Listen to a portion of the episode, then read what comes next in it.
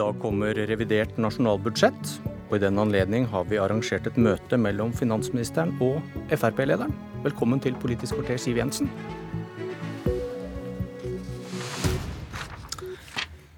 I dag legger du fram ditt siste budsjett i Fremskrittspartiets første periode i regjering.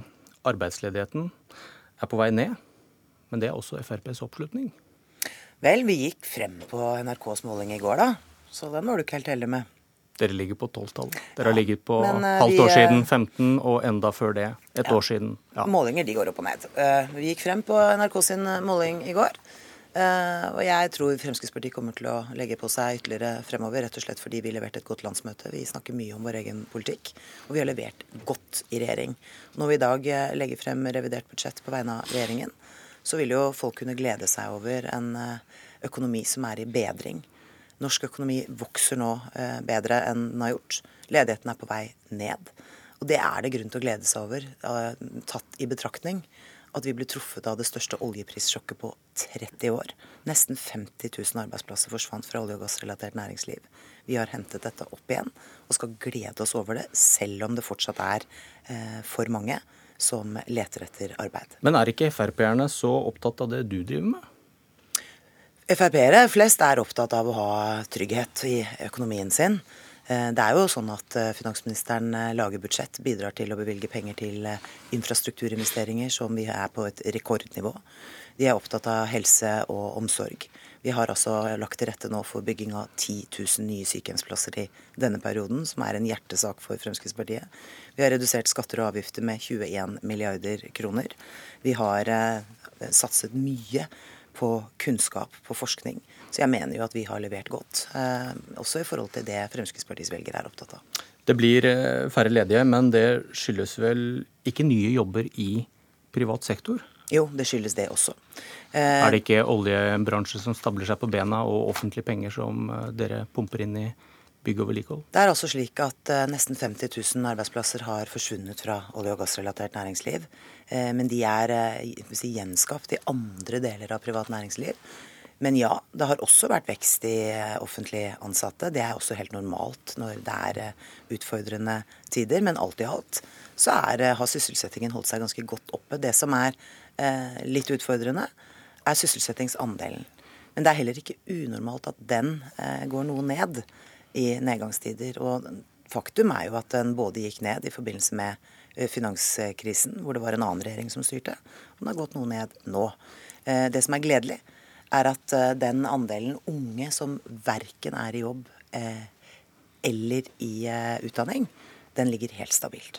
Du, regjeringen har sagt at de store pengene må brukes til vekstfremmende tiltak, og at en stadig større offentlig sektor ødelegger for omstilling. Eh, men hva er det største grepet i deres reviderte budsjett? Nesten 1 milliard ekstra i skattelette til pensjonister, som tilfeldigvis ble kjent rett før FrPs landsmøte forrige uke. Og er det noen dyrere påplussinger enn dette i det du legger fram i dag? Først og fremst er jo revidert budsjett en arena for å eh, få budsjettet i samsvar med virkeligheten. Det er anslagsendringer. Det er en del poster hvor vi ser at eh, vi har brukt mindre enn det vi trodde vi skulle gjøre. Men her kliner dere og til igjen? Da har vi funnet rom for eh, noen viktige satsinger. Eh, men alt i alt så er det jo sånn at når økonomien går bedre, så trenger vi ikke å gi like mye gass i den økonomiske politikken. Men her gir dere gass? Det at vi gir en skattelette til pensjonistene, en håndsrekning til helt vanlige pensjonister, eh, henger sammen med at det har vært en eh, krevende kjøpekraftsutvikling for pensjonistene de siste tre årene. Den har faktisk vært mer krevende enn for lønnsmottakerne. Det er kanskje god Frp-politikk, men rimer kanskje ikke helt med finansministerens ønske om å bruke pengene til å skape jobber? Det er slik at uh, pensjonistene ved hjelp av en bedre økonomi har bedre kjøpekraft. Det at vi holder kjøpekraften oppe i norsk økonomi, det er bra for Norge i den tiden vi nå har vært inne i. Så du mener det å gi disse pengene dere har gitt over fire år til pensjonistene, det er også vekstfremmende? Jeg mener at man må klare å ha flere Har du noen som støtter deg det, noen økonomer? Jeg håper i hvert fall at pensjonistene er veldig glad for dette. Det er, må, vi må altså klare å ha flere tanker i hodet samtidig. Vi skal ta vare på eh, våre eldre. De har bygget landet. Eh, mange sitter med, med krevende økonomisk situasjon. Det å gi en håndsrekning også til dem Det mener jeg viser at regjeringen både er opptatt av velferd og omsorg, i tillegg til at vi bygger landet, legger til rette for ny vekst og verdiskaping. Du, På fire år så har dere brukt mer i varige utgiftsøkninger til pensjonister enn til krisepakken til Sør- og Vestlandet. Ehm, er du enig i at dette undergraver pensjonsreformen? Nei, det er jeg ikke enig i. Jeg mener snarere tvert imot at pensjonsreformen den eh, står seg godt. Og det ser vi også, ikke minst fordi vi nå ser at eh, stadig flere eh, eldre mennesker ønsker å stå lenger i arbeid. Det er jo veldig gledelig. I tillegg så er det sånn at vi i tillegg til den ekstraordinære tiltakspakken som ble bevilget både for budsjettet i år og i fjor, har store investeringer som støtter opp under eh, vekst og omstilling. Det at vi nå bevilger rekordmye penger til infrastrukturinvesteringer og vedlikehold, sysselsetter jo mennesker. Det at vi har lagt til rette for eh, å bygge 10 000 nye sykehjemsplasser rundt omkring i kommunene, det sysselsetter mennesker. Så alt i alt mener jeg at budsjettene har vært godt tilpasset den økonomiske situasjonen. Og da vi la frem budsjettet i fjor høst, så sa jo også regjeringen at siden vi nå så at eh, veksten var på vei opp, så tilførte vi også eh, mindre oljepenger enn vi hadde gjort året før. Du, I din egen perspektivmelding står det at vi kan mangle om lag 150 milliarder kroner til å betale for velferd i 2060, bl.a. pga. eldrebølgen. Men hvordan hadde det regnestykket sett ut hvis Frp hadde fått viljen sin og vi ikke hadde hatt noen pensjonsreform? Nå var det jo store deler av pensjonsreformen som også Fremskrittspartiet var enig i. Det var enkeltelementer bl.a. knyttet til eh, det var et ran, sa Frp-eren Siv Jensen i sin tid. Ja, Det var underreguleringen som Fremskrittspartiet har vært eh, mot. Men eh, i denne regjeringsperioden så aksepterer vi å regjere på bakgrunn av det pensjonsforliket. Men hvor, hvor, mye, hvor, mye, hvor stort hadde dette gapet vært hvis Frp hadde fått viljen sin? For det kan jo virke som om Frp-lederen driver en åpen omkamp om pensjonsreformen og innsparingene den bidrar til som finansminister. Og så eh, er finansministeren samtidig kledelig bekymra for bærekraften? Dette er bare tøv, programleder. Jeg driver ingen åpen omkamp. Snarere tvert imot. Det må være mulig både å følge opp pensjonsreformen som er vedtatt av Stortinget, og samtidig være opptatt av at pensjonistene skal ha god kjøpekraftsutvikling. Men, men, det er altså slik at det er Vi snakker om mange hundre tusen mennesker i vårt samfunn. Jeg opplever at programlederen har en litt sånn eh, foraktelig tilnærming til denne gruppen mennesker. Jeg er stolt av at vi har mange eldre i vårt samfunn som eh, ønsker å leve gode liv. Og det er faktisk vårt ansvar å legge til rette for at også de har god økonomi. Programlederen stiller bare spørsmål. Eh, jeg lurer da på, eh, Pensjonsreformen skulle da spare inn 200 milliarder kroner i 2060. Hvor mye av dette var Frp mot, da, siden du sa at dere var for deler av det? Som jeg sa, Det vi i all hovedsak var mest kritisk til, var eh, underregulering. Men det er altså Hvor mye et, penger er det snakk om? Det er et tilbakelagt stadium. Pensjonsreformen er et faktum. Er dere tilhengere nå, da? Eh, har, dere kjemper jo mot underregulering fremdeles. Det er jo derfor dere tar disse pengene og prioriterer pensjonistene. Men programleder, i forhold til perspektivmeldingen og at vi får flere eldre, så har jo eh, Den er for øvrig jeg som har lagt frem på vegne av regjeringen. Der har vi pekt på hvilke muligheter Norge har i de neste årene. Og det er altså ikke en pessimistisk perspektivmelding som er lagt frem. Men så får Frp i eh, regjering gjennomslag snarere... for penger til pensjonistene, som mange mener undergraver det du selv er bekymret for Perspektiv, i perspektivmeldingen? Perspektivmeldingen er snarere tvert imot en melding som peker på alle mulighetene Norge har. Husk at de fleste land rundt oss i sine fremtidsperspektiver ser eh, etter altså, hvordan de skal kutte i budsjettene. Vi ser jo på muligheten for hvordan vi kan styrke velferden videre fordi norsk økonomi er solid, på tross av at vi har vært truffet av det største oljeprissjokket på 30 år. Nå skal vi faktisk glede oss over at det går bedre. Norsk økonomi er i bedring. Arbeidsledigheten er på vei ned. Boligmarkedet ser ut til å roe seg ned. Det er altså mange lyspunkter. Flere bedrifter melder om at de nå vil ansette flere. Med andre ord, det verste er etter alle solemerker bak oss, og det skal vi være veldig glad for. Men et spørsmål jeg ikke fikk svar på. Hvor mange milliarder i innsparing bidrar denne underreguleringen til, hvis vi ser i 2060? Dette er eh, en årlig konsekvens av eh, Hva er det beregna til, da? Nei, Det tallet har jeg ikke i hodet. Poenget er, jeg mener det er en avsporing fra programlederens side. Vi må både klare å legge til rette for kjøpekraftsutvikling hos eh, pensjonistene våre, samtidig som vi skal legge til rette for vekst og verdiskaping. Det har jo vært der Regjeringen har brukt de store pengene i løpet av denne perioden. Vi har satset på infrastruktur, vi har satset på kunnskap i skolen, satset på forskning. Vi har lagt til rette for konkurransedyktige skatteregler.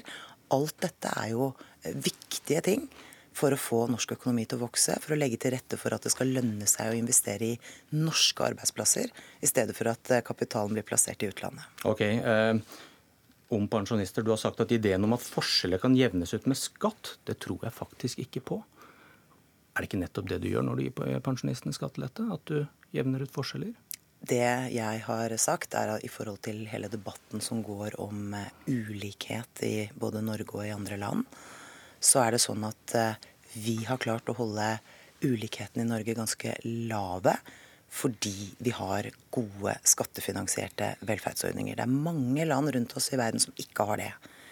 Så det er antagelig de aller viktigste virkemidlene vi har for å jevne ut forskjeller, for å hjelpe mennesker som har større utfordringer enn andre. Hvis du ikke tror på skatt, så ville du eh, vel ha ment at skatten skulle være helt flat? Da? Men jeg tror jo på at skatt som virkemiddel for å stimulere til å stå lenger i arbeid, til at det skal være lønnsomt å investere i Norge. Ja, det tror jeg veldig på. Men jeg tror ikke du klarer å viske ut forskjellene mellom folk. Men du, men du er enig i at det virker utjevnende når du har en progressiv beskatning? Det som virker utjevnende, er at vi har et skattesystem som bidrar til å fellesfinansiere velferdsoppgaver. Det er jo gjennom skatteseddelen vi finansierer sykehusene Nå, våre. Du svarer på noe annet jo, enn det jeg spør om? Nei, jeg svarer på det du spør om fordi det, den største utjevnende effekten vi har eh, gjennom skatt i Norge, er ved at vi skattefinansierer helt grunnleggende velferdstjenester i Norge. Barnetrygden er skattefinansiert, sykehusene er skattefinansiert, politiet vårt er skattefinansiert. Det gjør at vi får tilgang på tjenester i vårt samfunn uansett hvor eh, tykk eller tynn lommeboka vår er. Ok, vi rekker ikke mer. Takk finansminister og Frp-leder Siv Jensen. Og velkommen til Lars Nehru Sand, vår politiske kommentator. Eh, Siv Jensen har vært eh, finansminister i snart fire år. Hun får kritikk for å ha brukt for mye penger, men trenger en Frp-leder bry seg om det? Selv en Frp-leder må i hvert fall ta inn over seg at både i hennes eget og, og, i det andre regjeringspartiet så er det mange som er uh, opptatt av det paradokset at tidenes blåeste regjering har gitt oss tidenes største offentlige utgifter. Så vil hun selvfølgelig med rette kunne si at mye av den pengebruken har handla om riktige motkonjunkturtiltak, som også opposisjonen har uh, støttet seg bak. Uh, men det er likevel en vesentlig del av denne regjeringens finanspolitiske historie at samtlige eh, partier på Stortinget har i sine alternative budsjett brukt mindre oljepenger. Ikke nødvendigvis i de store prosentvise forskjellene, men, men for å symbolsk markere at man mener at regjeringen bruker for mye oljepenger. Eh, og selvfølgelig så er hovedforskjellen da eh, skattepolitikken. Hun får kritikk for å påstå at skattelettene regjeringen har gitt, vil skape nye jobber. Trenger hun å bry seg om det? Jeg tror nok at regjeringen helst hadde sett at det vekstfremmende skattelette-argumentet som, som, de har brukt, hadde vært enklere å bevise, rett og slett for å legge den debatten død, og for å kunne si at deres metode eh, utvilsomt har vært riktig. Og Det har ikke Finansdepartementet, hennes egen, eh, eget embetsverk, eh, klart. Eh, så kan man gi eh, regjeringen rett i at eh, man har heller ikke fått bevist at altså det kunne gått verre om man ikke hadde gjort som regjeringen gjorde, men, men man har i hvert fall ikke ikke kunne sette to streker under at det gikk bedre med norsk økonomi fordi man ga eh, disse skattelettene. Og Hadde man sluppet den debatten, så ville det vært enklere for, eh, for eh, den borgerlige regjeringen å si at det er deres løsning som, som faktisk virker, og at kritikerne også innrømmer det. det der er vi ikke. Helt til slutt, Lars Nørsson, Hvordan påvirkes partilederjobben av å være finansminister? Det er naturlig at det er veldig mye å gjøre for en finansminister. Eh, det er det også for en statsminister, men mye av statsministerjobben er utadretta. Eh, finansdepartementjobben er mer innadvendt i regjeringssystemet ofte. Den er mer helhetlig. Du må ta andre typer hensyn, og det er ikke alle hilser på kongen som har bursdag-oppdrag som, som faller på deg. Eh, så er det også sånn at for en Eh, å være fløypartileder eh, i en mindretallsregjering har vært enda mer krevende for, eh, for Jensen enn det var for, for Halvorsen, som satt i en flertallsregjering. Og det var et Politisk kvarter. Jeg heter Bjørn Myklebust.